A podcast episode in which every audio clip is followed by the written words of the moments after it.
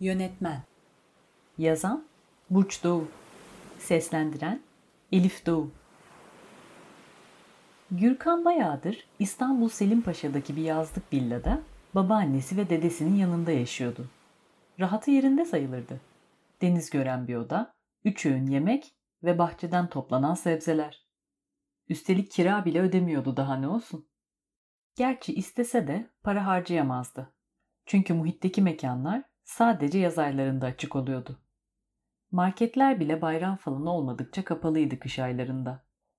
İstanbul'a otobüsle gitmek mümkünse de Gürkan bunu pek yapmazdı. Tuhaf. Tayin ilk çıktığında her fırsatta şehre kaçacağını sanmıştı. Başka türlü çekilmezdi şu kasaba hayatı.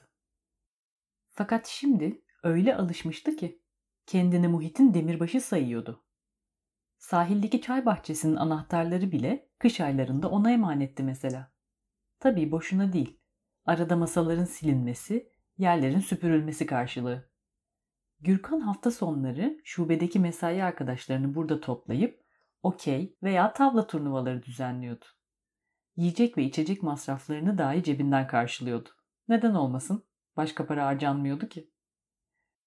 Özellikle yakın zaman önce şubeye tayin olan Aydan'a bonkör biriymiş gibi görünmek niyetindeydi. Çünkü hoşlanıyordu ondan. Flört etmeyi pek beceremezdi Gürkan. Bütün o hafta sonu toplantılarını aslında Aydan katılsın diye organize ediyordu ya, henüz açılacak cesareti yoktu. İşe bisikletiyle gider ve öğlen paydosunda babaannesinin akşamdan hazırlayıp sefer taslarına doldurduğu yemeklerden yerdi. Bir önceki akşam sofraya ne konmuşsa o. Sürprize açık bir öğün değildi bu. Hayatında ilginçliğe yer yoktu. Her şey öyle rutindi ki Gürkan şubede dördüncü yılını doldurduğuna inanamıyordu çoğu zaman. Bazen kırk, bazense yarım sene gibi geliyordu ama asla dört değil. İnsan durmadan aynı günü yaşayınca zaman kavramı kayboluyordu. Hele gökyüzünün daima gri olduğu o kış ayları, rüzgar aynı, denizin gürültüsü aynı, açıklarda yüzen gemilerin korna sesleri bile aynı. Evin içinde de durum farklı değildi. Babaanne gündüzleri bahçeyle ilgilenir, akşam üzeri yürüyüş yapar, gece uyku vakti gelene kadar dizi izlerdi.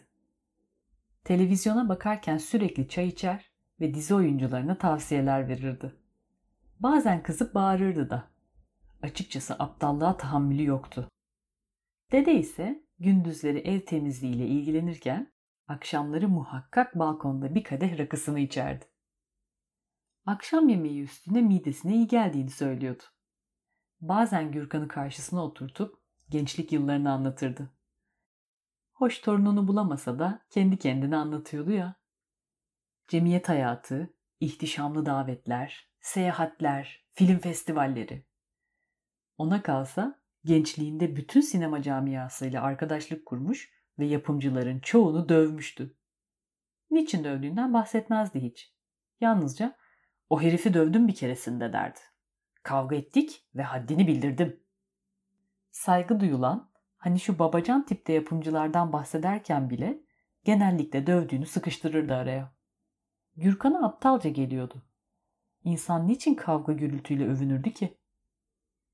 Dede gençliğinde kısa süre yönetmenlikle ilgilenmiş ve yapamayınca bırakmıştı. Tüm hikayesi buydu aslında. Fakat sanki bol ödüllü biriymiş gibi anlattıkça anlatırdı. Atmaya başlayınca duramıyordu. Çok abarttığını fark ettiği anlarda içeride dizi izleyen karısına haksız mıyım canım diye seslenirdi. Babaanne konuyu bilmese de onaylardı nasılsa. İhtiyar bunun farkındaydı.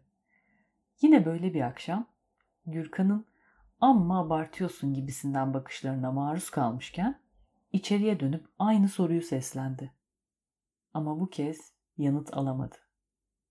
Birkaç kere daha denedikten sonra tedirgince ayaklanıp salona geçince orada karısının cansız bedeniyle karşılaştı.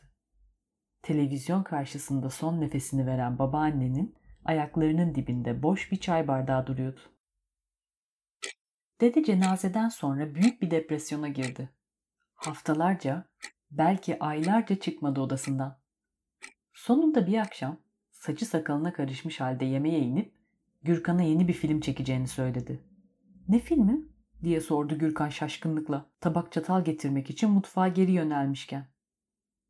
Sırtı dönük olduğu için yaşlı adamın yanında getirdiği senaryo çalışmasını görmemişti. Masanın diğer yanındaki su bardağını önüne çeken dede sanki hazırlıklıymışçasına hayatımın filmi dedi cevaben. Arkasından suyu kafasına dikti ve bana birkaç aktör ve aktris bulabilir misin diye ekledi. Gürkan kendini tutamayıp gülmüştü. Çünkü ne yapsın? Oralarda açık manav bulmak bile zordu. Ama ihtiyar şaka yapmıyordu. Geriye bir eser bırakmak için son şansıydı bu. Doğru dürüst ekipman olmasa bile filmi tamamlayacaktı. Gerekirse el kamerasıyla, olmazsa cep telefonuyla. Bir sonraki hafta sonu çay bahçesinde toplanan film ekibi dedenin senaryoyu dağıtmasını bekliyordu. Gürkan'ın kadroyu bulması umduğundan kolay olmuştu doğrusu.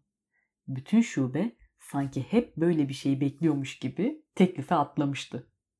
Konudan geç haberdar olan şube müdürü bile rica minnet birilerinin rolünü kapmaya çalışmış, kimse yanaşmayınca da kendini figüran olarak yazdırmıştı. Bir şekilde yeteneklerini gösterip daha mühim bir role yükselmeyi umuyordu belki de. İhtiyar, senaryonun detaylarına girmeden önce altını çizmeliyim ki diye açıklamıştı. Bunun bir sanat filmi olduğunu düşünen varsa hemen çıksın gitsin. Benim asabımı bozmasın. Kasaba bulan sanat filmi çekiyor haksız mıyım? Biz bu oyuna gelemeyiz. Yani Selim Paşa kasaba da Beşiktaş değil mi? Hayır efendim. Türkiye her köşesiyle bir kasabadır. Biz burada macera filmi çekeceğiz. Hani şu siyah pelerinli bir maskeli kahraman vardı. Adı neydi onun? Batman mi hocam? diye atıldı şube müdürü göze girme hevesiyle. Evet Batman. O tarz çekeceğiz. Burada hava genellikle kapalı ve sıkıcı zaten. Ama pelerin falan yok. Bütçemiz kısıtlı. Şimdi bir saat ara verelim. Sizler senaryoyu okuduktan sonra tekrar konuşuruz. Çekimlerin tamamlanması takriben 4 hafta sürmüştü. İhtiyarın bahsettiği gibi nihayetinde bir macera filmiydi bu. Ama siyasi göndermeler de barındırıyordu. Yer yer güldüren, bazen hüzünlendiren, arada şaşırtan yanları vardı. Pek çok sinema akımından besleniyor gibi görünse de hepsinden ayrılıyordu doğrusu. Çekim tekniği eşsiz ve etkileyiciydi. Oyuncular büyük bir eserin içinde olduklarını anlamışlardı. Öyle ki şube müdürü figüran olmaktan da memnundu artık.